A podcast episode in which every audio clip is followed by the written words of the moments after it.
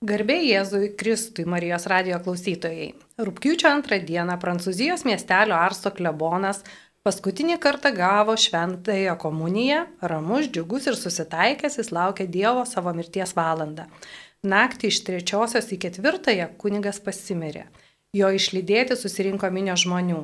Arso klebono palaikai net šešias dienas buvo laikomi šalia garsiosios klausyklos, kurioje jis girdėjo ir laimino žmonės, suteikdamas jiems viltį ir Dievo malonę. 1925 metais Arso klebonas buvo kanonizuotas. Legendos ir pasakojimai apie šventąjį Arso kleboną gyvi iki šių dienų. Jais pasidalinti šiandien prašome Arse pabuvojusią piligrimę, katechetę Jolantą Stupelytę. Labadiena, Jolanta. Labadiena, mėly Marijos radio klausytojai. Tikrai šiandieną labai džiaugiuosi, kad galime kartu prisiminti Arso kleboną, pakalbėti apie jį, nes tikrai tai yra šventasis, kurį pažinus negalėjo nepamilti. Tai pirmiausia, gal Jolanta tiems, kurie nežino, mums reikėtų paaiškinti, kur yra Arsas ir kodėl į šitą miestą plūsta būriai piligrimų ir jų tarpe buvot ir jūs. Arsas yra labai nedidelis kaimelis Prancūzijoje netoli Lyono. Ir iš tikrųjų kiekvienais metais čia aplanko tūkstančiai piligrimų. Aš pati į Arsą patekau, taip sakyčiau, labai netikėtai, tikrai neplanavau. Kadaise, galbūt ieškodama savo kelio, savo pašaukimo, buvau nuvykusi į Prancūziją, ten gyvenau devynis mėnesius pasišventusių pasauliečių bendruomeniai Ir tuo metu, kai jau ėmiau svarstyti, ką daryti toliau, ar likti toje bendruomenėje, ar grįžti į namus, man ta bendruomenė kažkaip, na, matyti irgi šventosios dvasios įkvėpti vyresnėjai pasiūlė važiuoti į Arsą, kur ta bendruomenė turėjo tokią savotišką misiją. Ir ten aš atsidūriau su būriu jaunų žmonių, kurie mes keletą savaičių būdami turėjom padėti piligrimams pažinti Arsą, Arso kleboną, padėti prie jo prisiliesti. Ir tai buvo bendruomenė, kuri gyveno ten, jūs buvote kas? Gidai, jūs buvote tie žmonės, kurie priimdavo juos, pamaitindavo piligrimus, bet ir patys domėjotės tą Arso istoriją. Ten buvo tik tai keletas žmonių iš bendruomenės, kurie ten gyveno ir tiesiog jaunimui sudarė galimybę O tokiai tarnystėje, savanorystėje mūsų misija buvo kiekvieną dieną eiti į, į, į tą, tą vietą, kur gyveno Arso klebonas, laukti ateinančių piligrimų, juos pasitikti, jiems truputėlį papasakoti, palydėti, tiesiog pabūti su jais tokiu atregimu ženklu, tos meilės, bendrystės, padėti truputėlį kažką giliau išgyventi. Tai reiškia, kad tuo metu Arse įvyko daugybė susitikimų. Jolanta, jūsų ir tų žmonių atkeliavusių ir galbūt dar svarbesnių susitikimų. Arsas turi savo atpažinimo ženklą, kaip man pasakojai anksčiau, tai yra susitikimo paminklas. Ir e, minėjai, kad jis tau irgi labai svarbus yra. Taip, iš tikrųjų, Ars yra toks galbūt kiek netikėtas paminklas. Jame yra pavaizduotas Arso klebonas, na, bendraujantis su tokiu nedėliu piemenėliu. Tas paminklas iš tikrųjų vadinasi susitikimo paminklu. Tas paminklas mena tą dieną, kai pirmą kartą Arso klebonas atvyksta paskirtas į Arsą, buvo labai didelis rūkas ir jis nelabai žiūrėjo kelio, kur eiti. Ir tiesiog darydamasis, kur jam pasukti, išgirdo gyvulėlių balsą, o paskui ėjęs į tą pusę suprato, kad ten turėtų būti galbūt ir da, žmonių ir pamatęs nedidelį piemenuką užklausė, kur yra kelias į Arsą. Aišku, tam piemenukui nebuvo sunku tą kelią nurodyti. Ir tada Arso klevonas, taip sakytum, labai, nu, taip patetiškai sako, na štai, tu man parodai kelią į Arsą, o aš tau parodysiu kelią į dangų. Ir iš tikrųjų, kas yra gražu, kad aišku, tas piemenukas tikrai tapo vienu iš pirmųjų jo ir klausytojų, ir tas, kuriam tikrai buvo labai svarbus Arso klebonas. Ir, na, mat irgi taip apvaizda lėmė, kad tas piemenukas mirė praėjus penkioms dienoms po Arso klebono mirties. Ir toks, va, nu, kaip ir tiesioginis, sakytum, išsipildymas. Tačiau Arse tie žmonės, kurie gyvena, kurie yra tai tokia galbūt labiau tarnystė, jie dažnai ir sako, sako, Arsas nėra vieta, kurioje galima kažką pamatyti, Arsas yra vieta, kurioje galim kai ką susitikti. Ir tai yra iš tikrųjų susitikimų vieta, kaip sakėt, pirmiausia, tai tokia vat, susitikimų su piligrimais, bet susitikimų su Arso klebonu, o per jį, aišku, su pačiu Jėzumi. Um, turbūt mes kalbam Arso klebonas, Arso klebonas, bet Arso klebonas turėjo vardą ir pavardę, ar ne? Ir jisai e, atėjo iš tam tikros aplinkos, jisai gimė tam tikroje šeimoje ir jisai yra, šiandien yra vienas populiariausių Prancūzijoje šventųjų. Gal truputėlį prisiminkim tą istoriją, iš kur atsirado tas Arso klebonas. Arso klebonas gimė iš tikrųjų tokiu labai sudėtingu Prancūzijai laiku. Jis gimė 1786 metais prieš pat didžiąją prancūzų revoliuciją, tai reiškia tokį, tokį laikotarpį, kai visa tai, kas buvo brangu, šventa, visos krikščioniškos vertybės, na, tiesiog viskas, viskas griuvo ir pats Arso klebonas, jisai Dievą pažino iš labai pamaldžios savo mamos, bet tuo metu net ir lankyti bažnyčią buvo labai sudėtinga. Buvo nemažai kunigų, kurie buvo ištremti, kurie buvo žudomi, kiti, kurie nesutiko su, su tam tikrom su tam tikrais valdžios kompromisais jie turėjo slapstytis ir vienėjų namuose e, tikrai dažnai lankydavosi tie vat, maištaujantis kunigai, tie, kuriems buvo tikrai labai svarbios vertybės. Ir pats Žan-Marie Batist vienėjus, toks jo vardas ir pavardė, tikrai nuo pat vaikystės jisai matė tuos labai užsidegusius kunigus, kurie rizikuodami savo gyvybę, kurie žinojo, kas yra tikrasis lobis. Jis ir savo pirmąją išpažinti ir komuniją priėmė slapta namuose, O prie durų buvo pastatytas vežimas, kad, na, jeigu reikalui esant, žodžiu, galėtų jie apsimesti, kad, kad maždaug šieną krauna ir kad niekas neįtartų ir nesuprastų. Tai jis tikrai na, žinojo, kad yra dalykų, dėl kurių verta gyventi, verta būti ir kad yra tas didysis lobis, kurį jam tikrai labai paliudijo tie, tie, tie kunigai ypatingai, kurie, na, kurie, kaip sakiau, rizikuodami savo gyvybę ir visko, ką turi, jie, jie ryžosi gyventi tokiu būdu. Arso klebono istorija pasakoja apie piemenėlį, kuris vos septyniarių neždavosi į pievas Marijos statulėlę. Jisai taip pat e, ganė avis berots ar, ar, ar karves. Ir e, vienuolikos jis jau žinojo, kad savo gyvenimą pašves Dievui. Ar visiems šventiems žmonėms nei, tas neįprastas maldingumas pasireiškia dar vaikystėje, ar čia išskirtinis atvejais? Jisai iš tikrųjų ganė, kaip sakė, koks buvo geras laikas, kai aš turėjau ganyti tik tris avis ir vieną asilą, tada tiek daug laiko turėjau maldai.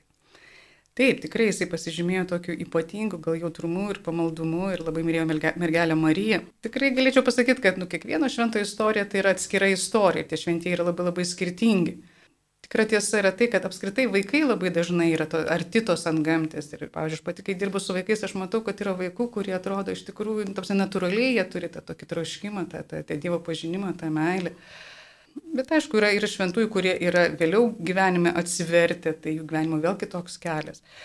Kalbant apie Žan-Marie Vienėjo, iš tikrųjų jisai nu, nuo pat vaikystės tikrai labai, kaip sakyti, labai jautriai išgyveno tą Dievo artumą, tą Dievo buvimą ir Ir netgi mama, jinai jautė, kad jis yra labai kitoks vaikas ir sakydavo, kad jeigu nu, kiti tavo, ta prasme, tam broliai seserys, kad nors padarytų, galbūt manęs taip neįžeistų, bet sako, jeigu tu padarytum nuodėmę, tai man būtų labai labai skaudu, nes jinai irgi matyti jautė tą jo tokį ypatingą atvirumą, trapumą, jautrumą ir, ir, ir, ir nu, va, išvelgė tą tokį Dievo ranką, kur, kuria jis vedamas yra.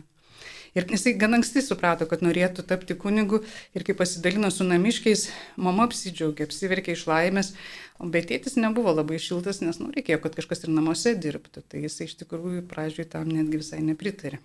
Bet galiausiai nutiko taip, kad jisai buvo išsiųstas mokytis, ar ne? Ir tai įvyko gana vėlai.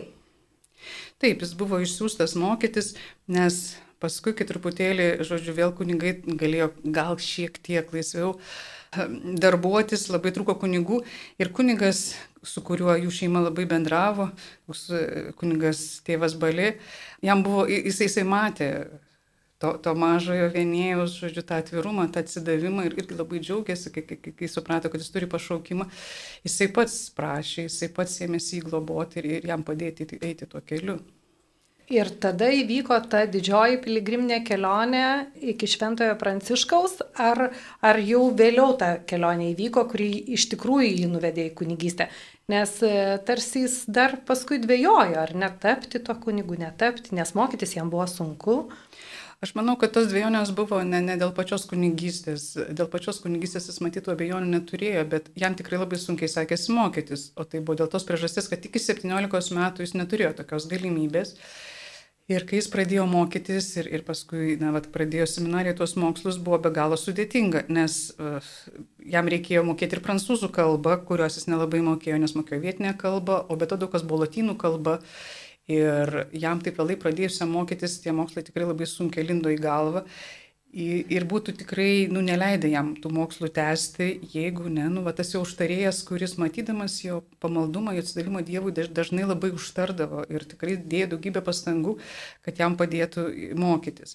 Ir, ir buvo kažkoks momentas, kai jisai savim greičiau nusivylęs, nebežinojo, ką daryti ir tada jisai keliavo pešiomis tokią pilgriminę kelionę pas šventai Pranciškų Rėgį, kuris, na ir kažkaip jam gerai pamokslų sekėsi sakyti, bet to jisai irgi vat, labai įdomu, panašiai kaip ir Arso klebonas, buvo labai ypatingas ir Euharistijos mylėtas, ir išpažinčių klausytojas. Ir nuėjęs 200 km prie jo kapo pasimelsti, kažkokią atgavo ramybę. Ir po to grįžus, na, kažkaip truputėlį tarsi viskas sklandžiau dėliojas. Bet aišku, iki pačios kunigistės tikrai tie mokslai užtruko ir jisai tapo kunigu tik tai 30 beveik 30 metų. Taip, tai tos piligriminės kelionės vis dėlto, Jolanta, jūs pati ten buvote, ar ne, kur daug tų piligrimų susirenka, jūs pati einate į piligriminės keliones, tai jos padeda kažkaip e, susidėlioti savo viduje, ko tu nori, kur tai eini, parodo krypti, kas nutinka tose piligriminėse kelionėse. Mūsų tikėjimo praktikavimui piligriminės kelionės gal tikrai ir nėra būtinos, bet jos padeda. Padeda ypatingai kai kuriems žmonėms, kuriems, na, vat, galbūt reikia tų tokių regimų ženklų. Ir man pačiai buvus Arse labai, nusakyti, labai sunku nusakyti tą jausmą, kurį patiri, bet o, buvo keista netgi, kad, pavyzdžiui, kur kiekvieną dieną pasakojant tarsi tą patį, visiškai nenusibodo, nes atrodė, kad, va, nu, kaip, kaip artimas kažkoks žmogus, kad jį vis labiau pažįsti ir po truputėlį įsižiūri tas jo esminės nuostatas, kaip jisai gyveno, kodėl jis gyveno, kodėl jis taip gyveno, kas jam buvo svarbu. Ir tas galbūt padeda tokius, nu, esminės Esminės kryptis naujai atrasti ir išgyventi.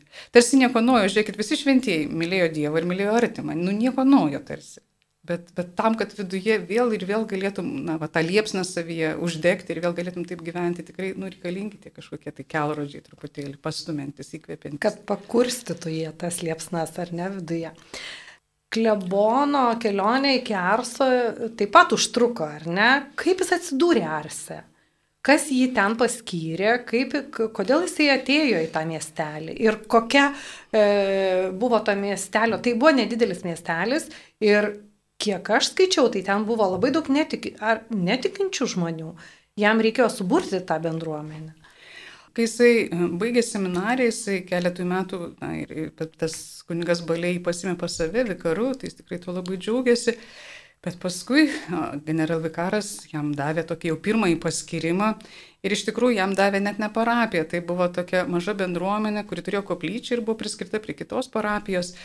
Du tiesiog nebežinodami, kur dėti, galvoja, ai, nu ten kažkur nugrūsi tą kaimą ir taip pusiau gal jokiais pasakė, na, tam kaime nelabai ten yra Dievo melis, bet jūs ją ten įliesite. Tai maždaug, o Arzo Klevonas jis taip labai tiesiog ir priėmė, nu tai uždavinys, nėra, reikia padaryti. Ir tikrai jis atvažiuoja į tą miestelį, kuriame buvo ten vos keli šimtai gyventojų. Ir ta uh, po revoliucinė Prancūzija, jinai tikrai nu, gyvena tokį truputėlį palaidą gyvenimą. Prasme, tas palaidumas buvo tapęs tokia norma. Aišku, nešvesdavo ir sekmadienių, buvo smuklės šokiai, linksmas palaidas gyvenimas ir ten apie bažnyčią tai kalba nėjo. Tai pirmiausia, jis ten, nu, tikrai toksai, kaip sakyt, eidavo vienas į bažnyčią ir, ir sėdėdavo prie tabernakulio ir be galo meldėsi už tuos žmonės, už tuos visus parapiečius, tikrai prašydamas jiems atsivertimo. Ir būdamas be galo nuoširdus ir toks ir labai gilus, jisai, jis iš tikrųjų jam labai skaudėjo širdį dėl jų, Jis jiems tiesiog buvo baisu, kaip jie gali taip gyventi, kai yra Dievas, kuris yra toks geras, nu kaip galima tai, tai būti. Ir jam atrodė, turi viską padaryti, kad tos parapiečius nu, kažkaip prie Dievo kvieštų. Tai ką jisai darė? Iš tikrųjų, tai darė labai paprastus dalykus. Pirmas, tai be abejonės jis suprato, kad a, svarbiausias dalykas yra jo paties santykis su Jėzumi, jo paties, va, ta, ir tikrai daug valandų prasidėdavo prie tabernakulio ir jisai, kadangi labai gyvai išgyveno tą ryšį, tai jis jį labai maitino. Bet jis jau pas tuos žmonės bendravo, su jais kalbėjo. Turėjo labai tokį gebėjimą labai paprastai, labai paprastais pavyzdžiais bendrauti, įtikinti ir žmonėms pradžiai buvo smalsu, ten buvo netgi žmonės, kurie galvo, nu ką jis ten toj bažnyčiai dar, gal kokį lobį atradęs ir aš žaidavo ten žiūrėti pro plyšius, ką jis ten daro, o jis tikrai lobį atrado, bet va, tiem žmonėms neiškartis pasirodė. Ir buvo dar kitas dalykas, tai kad tikrai ten buvo nemažai tokio jaunimo, buvo o, vakarais būdavo šokiai Bet po tų šokių dažnai jis matydavo, kaip ten poros eina į klojimus ir visa kita, žodžiu. Ir a, tai buvo tokia situacija, kada tas palaidumas tarsi buvo toks, nu, vat, įteisintas, bet tolerancijos merginom, kurios susilaukė vaiko, tai ne. Ir jos tikrai jų tas gyvenimas būdavo paskui pasmerktas visiškai, nes dažnai ir tų vaikų negalėdavo auginti ir sukurti šeimos ir jos tapdavo tokios, nu, kaip vergės ūkininkams, kur turėjo kažkaip tai gyventi. Ir jam buvo be galo, be galo gaila ir tų merginų ir galvojo, nu, ką galėtų dėl to padaryti. Ir jis eidavo nu, ir su šeimom bendraudavo. Ir toks gražus yra epizodas, kad jis atėjęs į vieną šeimą, jis klausė, sako, o jūsų dukteris eina į tuos šokius. Mama sako, taip eina, bet mes, sako, jos prigrasom, kad jos gražiai elgtųsi, žodžiu, jos gražiai elgesi. Ir tada jisai paėmė šiaudų ryšulį, metą į ugnį ir sako, jūs šiaudai tik nedėkit, tik nedėkit, labai prašau, jūsų nedėkit. Nu, šiaudai dega ir, ir, ir ta mama sako, Kai šį dar, kaip šiaudai gali nedegti, nu tai... Tai va, ir tada jisai sugalvojo iš tikrųjų netgi padaryti tokią, įkurti tokius apvaizdos namus, pradžioje tai daugiau galvodamas apie mergaitės, kad jas galėtų visokiojopai ugdyti, lavinti ir truputėlį, nu, duoti tą stuburą, kad tas vertybės tokias galėtų tikrai išugdyti. Tai ne kaip prieglauda buvo, tai buvo kaip tarsi mokykla. Pradžioje kaip mokykla, kaip bet mokykla. vėliau atsirado, nu, ta prasme, kad vėliau tikrai buvo ir našlaičiai primimi, ir vaikai su negale, ir ten buvo iki 80 vaikų, tai ten buvo toks, kaip sakyti, įvairaus profilio. Pirmasis jo tas rūpestis jam labai tikrai skaudėjo širdį dėl tų dėl tų mergaičių, kurios, nu, va, tiesiog praranda savo gyvenimus. Ir labai gražu, kad jisai, ten buvo tokia mergaitė 12 metų, Katrina Lasanė, kur irgi buvo viena iš tų pirmųjų, kur, nu vis tiek vaikai labai greitai, jie ateina, jie klausosi, jiems yra įdomu, jie bendrauja ir jisai ją užsiaugino.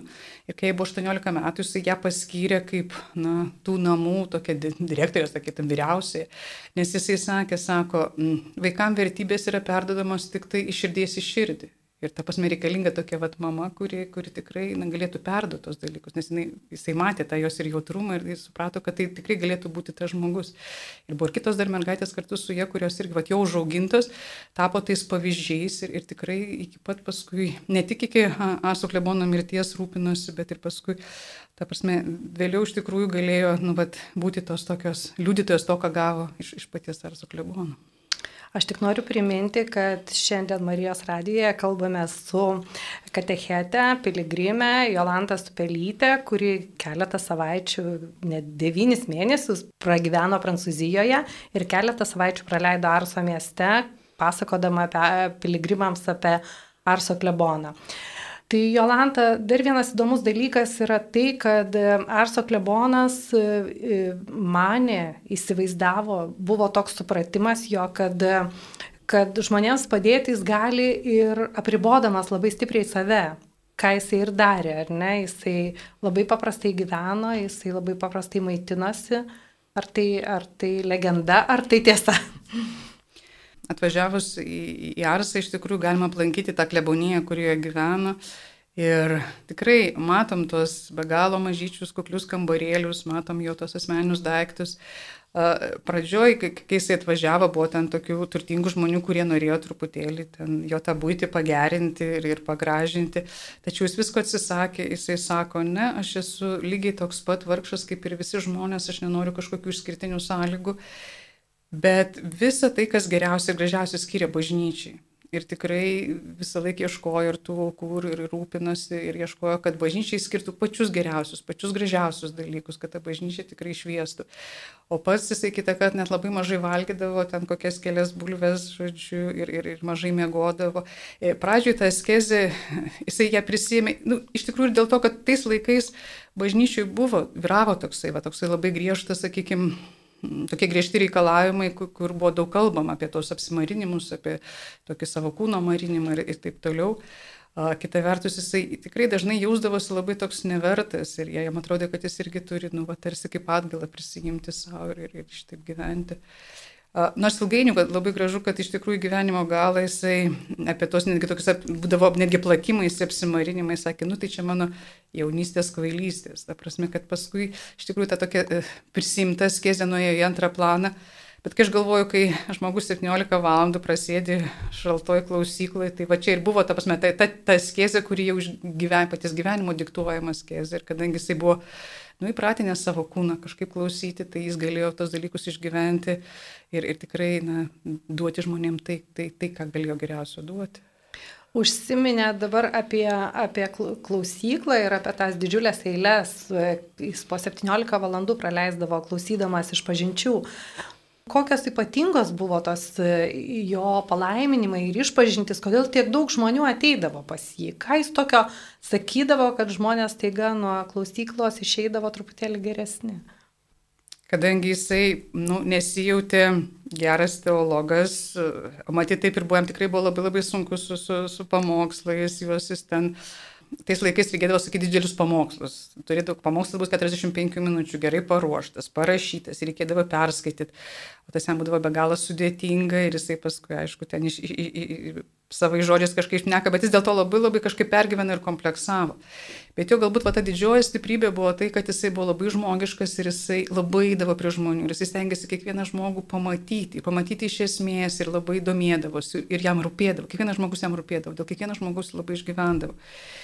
Ir galbūt tai, na, vat, paskui susikoncentravo į tas išpažintis, kad išpažintysi jisai o, neformaliai klausydavo. Jis tikrai išgirdavo kiekvieną žmogų, kiekvienam žmogui labai individualiai duodavo patarimus ir, ir žmonės tiesiog per tą trumpą laiką, kada jie atlikdavo tą išpažinti, jausdavo, kad pats Dievas prie jų prisilitėjo.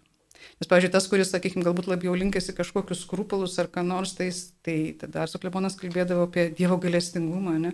kad jūsų nuodėmės kaip maži grūdeliai, o Dievo galestingumas kaip beribis vandenynas ir kad, ta, kad Dievas pats su džiaugsmu ieško to nusidėlio.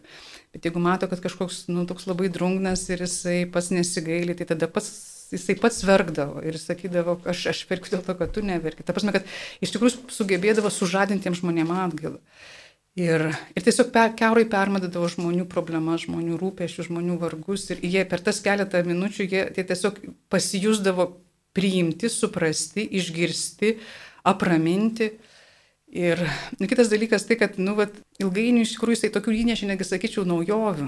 Nes tais laikais būdavo taip, kad išpažinčių klausytojai turėdavo tokius kaip sąrašus, už, už kokias nuodėmės, kokius turi skirti atgalas ir panašiai. Tai, nu, tokia matematika labai buvo. O jam tai atrodė, nu kaip čia taip viskas kažkaip, tai jam taip neėjosi. Nors jisai nu, norėjo likti ištikimas bažnyčiai, tai būdavo taip, kad jisai kažkokią atgalą skiria, aišku, priklausomai nuo to, koks yra žmogus, bet dalį pats savo prisijama. Ir jisai pats vat, kartu su tuo nusidėliu tarsi neša tą jo naštą. Ir kitas dalykas buvo tai, kad dažnai būdavo, kad ne iš karto duodavo tą išrišimą, kad žmogus turėdavo atlikti atgailą ir paskui ateiti ir gauti išrišimą. O čia būdavo tų žmonių tiek atvažiuodavo, kad kitą kartą savaitę reikėdavo laukti, kad prieiti iš pažinties. Tai jisai sakydavo, kad Dievas rodo iš anksto tą pasitikėjimą žmogumi ir jisai duodavo tos, tos vat, išrišimus. Jeigu tas žmogus laukia taip ilgai, ar ne, jeigu jis pasiryžo ateiti prie klausyklos. Ir būdavo taip, kad, e, pavyzdžiui, kartais jis išeina, mato, tų žmonių labai daug, visi turi laukti ir jisai pats matydavo tuos, kurie kuriems tikrai labai labai svarbu, arba ten kokia mama su vaikais ar kaip, tai jisai juos sugebėdavo per tokias turės slaptas durelės padarė, specialiai apie juos pervesdavo, žodžiu, per tas gailestingumo durelės, kad galėtų juos greičiau priimti ir, ir kad jie galėtų atliktai išpažinti. Aišku, tie aplinkiniai kunigai kitą kartą gal, gal ir pavydėjo ir pyko, ne, ne visiems patiko tai, kad jisai toks populiarus ir kad tiek daug žmonių atkeliauja. Bet būdavo tikrai tūkstančiai, tūkstančiai žmonių, kurie atkeliaudavo tam, kad galėtų gauti tą susitaikymą su Dievu. Arso klebono biografai mm, dažnai rašo istorijas apie tai, kad Arso klebonas buvo bauginamas velnio. Ir labai vaizdžiai rašo, ar ne, kaip ten trinksėdavo pasinamuose. Ir e, jis tarsi sakė, kad, kiek, kad velnės trinksi už kiekvieną atverstą sielą, ar ne? Pats Arso klebonas tikrai nu, ne, nemažai yra apie tai užsiminęs ir biografai apie tai rašo, kad Pradžioje, kai jam prasidėjo tie tokie kažkokie liktai trinksėjimai, juokimasis, bildėjimai, jis galvojo, gal čia kažkokie vagis atėjo ir jisai pasikvietė parapiečius, kad kartu būdėtų. Bet paskui suprato, kad čia kažkas kito yra, tai tuos parapiečius paleido. Ir iš tikrųjų tai, nu, va, pasakojama, kad jam ir, ir lovą apversdavo, ten ir degindavo, ir trinksėdavo, ir, ir juokdavosi, ir dažnai būdavo, kad jis visiškai nemegojęs būdavo. Ir sako, aš pastebėjau, kad kuo didesnis tas varginimas, tuo didesnė, va, kitą dieną jau kokia nors didelė žuvis, ne, jau didelis nusidėlis yra atėjęs, kad, nu, va, tarsi buvo, tapsme, tai toks, jis matė tokį labai akivaizdų ryšį. Ir taip labai įdomiai jisai, tą, tą piktai taip vadino, grapan, grapan yra toksai, įrankis toks kaip koptukas nu, su dviem tokiais kabliukais, kur padeda bulves ištraukti, žodžiu. Ir sako, kadangi labai visą laiką vaizdžiai mąstydavo, jis sako, va taip kaip bulvė yra ištraukiama iš tos dirvos, kurioje yra užaugo ir buvo maitinama, taip ir velnės nori mus ištraukti iš tos e, Dievo malonių, tos, tos dirvos, kad atitrauktų mus nuo, nuo, to, nuo to maisto. Bet jisai kažkaip tai ilgainiui, tai, tai tiesiog jau kaip jį beveik vos nedraugų vadindavo, nes, ta prasme, jau buvo pripratęs kažkaip, tai jau jie tenais turėjo ten tokį vat ryšį, bet aišku, jis būdavo labai labai išvargintas, neišsimiegojęs ir, nu, jis tai priėmė kaip kankinystė už tas sielas, už tuos žmonės, už kuriuos jisai tiesiog tą, tą savo gyvenimą ir buvo atidavęs. E, taip pat yra pasakojama apie Arso klebono susitikimus su švenčiausia mergelė Marija. Tai aš pagalvojau, kad rėgėti velnę ir švenčiausia mergelė Marija ar ne per daug yra vienam žmogui duota. Du, iš tikrųjų, Arso klebonas turėtų tokią vidinę dvasinę tikrovę, kuri mums, žvelgiant taip iš, iš išorės, galbūt yra gal ir, ir sunkiai iki galo ir suvokiama ir suprantama. Bet tikrai jisai buvo toks vidinis žmogus. Ir, ir mergelė Marija tai jam tikrai buvo labai labai brangi nuo pat vaikystės. Ir jisai sakydavo, nu tai kaip, jeigu ateini kur nors, tai pasisveikini su durininku, o mergelė Marija yra dangaus vartų durininkė, žodžiu. Ir man vienas toks labai epizodas gražus, jisai, kaip sakiau, bažnyčia tikrai stengiasi labai išgražinti. Ten pradžioje tokia buvo visai nedidelė bažnytėlė, sakytum, koplytėlė tokia. Ir jisai ten pristatė, ją padarė didesnį ir užsakė tokią didžiulę Marijos skulptūrą O paskui jisai užsakė tokią didelę širdį ir į tą širdį surašė visus parapiečių vardus.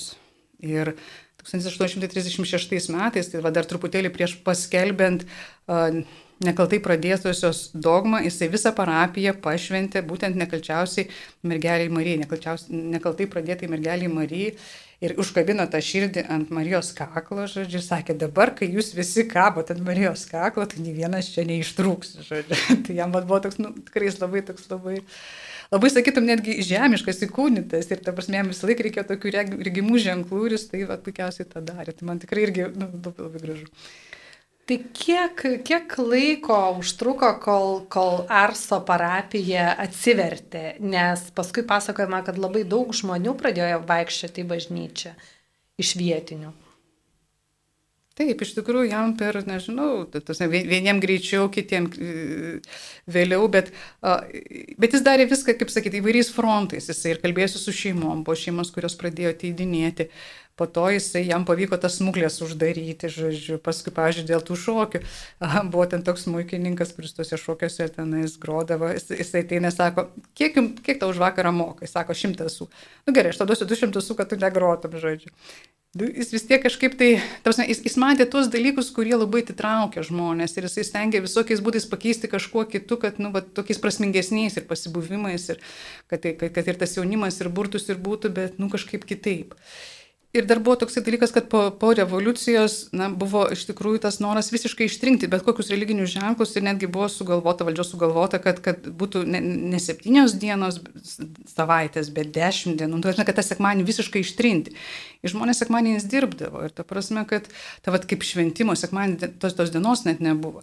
Tai jis po truputėlį žmonės pratino sekmadieniais ateiti, nu, vat, ir tose mišios. Ir jie atėję matydavo, kad Nu čia ne šiaip su mišios, nes kitą kartą būdavo, kad jisai nu, su tokia meilė žiūrėdavo į tą tabernakulį ir tiesiog šaukdavo, jis yra čia, jis yra čia. Ir su tokiu, va, tokiu susižavėjimu, tarsi iš tikrųjų matytų. Ir tie žmonės, nu, matė, matė tą jo nuostatą, matė tą jo buvimą, gal galia matė jo gyvenimo būdą. Ir po truputėlį, po truputėlį žmonės pradėjo ateiti. Ir tuo labiau, kad vis tiek, pavyzdžiui, kai, ypač kai bendrauju su vaikais, tai metai kiti, treti tiems vaikams labai greitai įsideda tie, tos, tos geros sieklos. Ir per dešimtmetį kitą iš tikrųjų, jis buvo labai gražu, kai jis taip gyvenimo galais eina per kapines ir sako, kiek čia daug šventų žmonių palaidot. Tikrai, ta prasme, ta, ta parapija, dėl, bet sirgo dėl jos, verkė dėl jos, pergyveno, žodžiu, darė absoliučiai viską, ką gali labai kūrybiškai darė. Na, matai, e, tai tu visiškai gali paneigti e, citatą, kurią aš esu e, susiradusi ir išsirašiusi, skaitydama apie Arso kleboną. Štai giliai tikintis protestantas rašytojas Nik savo knygoje, svarstydamas Arso klebono gyvenimą ir juo žavėdamasi, sako, jei žmogus, kurio intelektualiniai gabumai buvo taip menki, kad buvo net artimi idiotizmui, pagaliau tiek nuveikė, kad prieš jį reikia lenkti galvą, tai yra faktas, kurio natūraliais pagrindais remiantis negalima išaiškinti. Iš tikrųjų, nu, Žinoma, daug kalbam apie tai, kad jisai ten toks va, labai negabus ir taip toliau, bet aš galvoju, kad tas negabumas tai tikrai susijęs su to, kad jis labai vėlai pradėjo mokytis. Uh, šiai dienai aš sakyčiau, kad jis turėjo, nu, tiesiog kitokį gabumą, ne, kitokį gebėjimą. Nes, pavyzdžiui, taip kaip jisai sakė pamokslus, taip kaip jis sakė tuos pavyzdžius, taip kaip jis kalbėjo su tai žmonėmis, mes matėm, kad jis iš tikrųjų buvo labai kūrybingas, labai išradingas, labai tikrai puikiai jisai valdė tą žodį, bet visiškai kitaip, negu galbūt buvo iš jo tikimasi. Ir, pavyzdžiui, buvo toks labai įdomus dalykas, kad uh, vieną kartą jis gauna laišką iš kunigo, kuris jam rašo, kad uh, toks kunigas kaip tu, kuris nemoka, žodžiu, nežino teologijos, neišmano, net neturėtų būti parapija, žodžiu, kad tave reikėtų čia iškelti. Ir jis jam rašo, oi, brangusis broli, tu mane, žodžiu, per, perkandai iš esmės, sako, būk geras, pasakyk viskupui, kad mane iš čia iškeltų. Bet jis iš tikrųjų jautėsi nevertas, ta prasme, kad nu, jam tikrai, jam ir pačiam atrodė, kad jis gal nevertas čia, ta prasme, kad jis nu, dėl tų žmonių galbūt galėtų būti kažkoks kitas, kuris tikrai galėtų geriau kažką tai daryti ir panašiai. Tai jisai pats turėjo tą tokį jausmą ir netgi tris kartus jisai bandė iš tos parapijos pabėgti. Bet bandė pabėgti ne dėl to, kad, nu, kaip sakyti, jam ten buvo blogai ar nepatiko ar kažkaip, bet, bet būtent dėl to paties nevertumo. Jis galvojo, gal kitas kunigas atėjęs, nu, jis labiau čia kažkaip tai galėjęs ir labiau galėjęs kažką pasakyti ir panašiai. Bet kaip matom, kad šventumui tikrai netrukdo tas netgi atvirkščiai, ta prasme, ta vat, nuoširdi kalba, net žmonės žymiai labiau paliesdavo. Tai galbūt čia ir yra tas atsakymas, na nežinau, gal jūs kažkokį kitą atsakymą radot, kodėl, e, kodėl vienas žmogus e, iš esmės gali pakeisti e, miestelio viso gyvenimą, gyvenimo būdą netgi. Um, Šito citato iš tikrųjų ta mintis, kad, nu, va, taip, tai yra Dievo darbas, ne, bet aš manau, va, Dievo darbas bendradarbiaujant su žmogum. Uh,